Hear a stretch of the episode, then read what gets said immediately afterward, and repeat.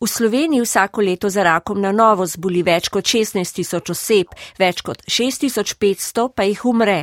Dostopnost do zdravljenja in oskrbe bolnikov z rakom je na visoki ravni, saj ne glede na različno socioekonomsko razvitost regij, ne beležimo večjih razlik med njimi. Po pojavnosti in umrljivosti pa smo pri nas nad povprečjem Evropske unije. Tanja Čufar iz Ljubljanske medicinske fakultete. Preživetje danes za obdobje 2000 2012-2016 obolelih od raka v Sloveniji je 58%. To je razmeroma dobro, še vedno dobro in raste. 46 je bilo na prehodu stoletja. Mislim, da imamo dobra izhodišča, vendar se bo treba zamisliti in predvsem v raziskovanju narediti napredek. Med vsemi smrtmi zaradi raka je bilo 25 odstotkov smrti zaradi raka pri moških in 15 odstotkov pri ženskah prepričljivih. Imamo nadpovprečno visoke stroške zdravljenja raka. Glavni faktori tveganja za nastanek raka so nezdrave življenjske navade, na prvem mestu alkohol in tobak. Tita Albrecht iz Nacionalnega inštituta za javno zdravje. Dejstvo, da smo v določenem obdobju, verjetno najbolj izrazito v 90-ih letih, in v začetku tega stoletja malo popustili pri tobačni politiki, in seveda se nam dogaja sedaj to, da recimo rak pljuč je postal sedaj prvi ubijalec pri ženskah med raki.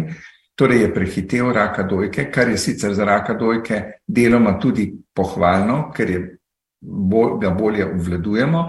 Seveda pa problem, pomeni drug problem, torej da smo problematiko uh, kajenja pri ženskah uh, zapostavljali in bo to zagotovo eno od torišč, si bomo morali še naprej prizadevati za uspešno preprečevanje. Presejalni programi za zgodnje odkrivanje raka so zelo učinkoviti, vendar želimo doseči še večjo udeležbo.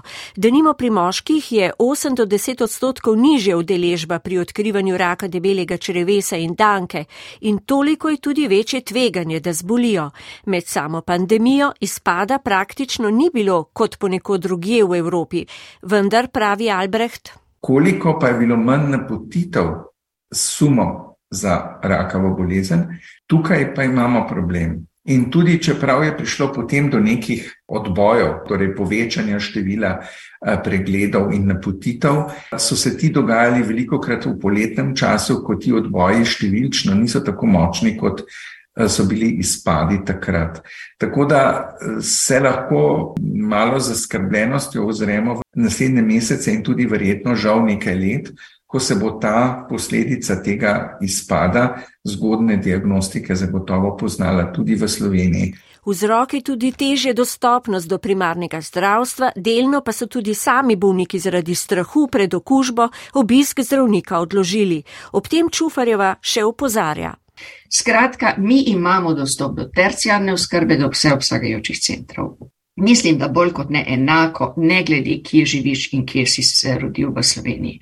Imamo pa en problem, ki je spet enak, bolj kot ne za vso Slovenijo. Dobro, imamo presejanje, ampak presejanje je iskanje rakov, ki ne delajo težave, kar je pomembno. Še veliko bolj pomembno pa je hitra diagnostika rakov, ki delajo težave. In tu ima Slovenija problem. Eh, hospitalni registr na bolnikov je ugotovil, da je okoli tretjina bolnikov z rakom pljuč rabi več kot tri mesece od prvega simptoma do napotitve na diagnostični center, bolnik UKC Ljubljana, onkološki inštitut. Tu je problem. Tri mesece je predolgo. Nekaj je narobe z to uh, napotitvijo primarno. Ljudje predolgo čakajo. Postavlja se tudi vprašanje včasih, ali ne bi omogočili uh, osebam, pri katerih se sumi na rakavo bolezen, neko hitro obravnavo. Nekatere države so se tega lotile pred časom, tak primer je recimo Danska. Danska je sprejela odločitev, da pri bolniku, pri katerem je zdravnik, ne sam bolnik, ampak zdravnik utemeljeno po sumu, da bi šlo lahko za maligno bolezen, naj bi bil diagnostično obdelan v roku enega tedna.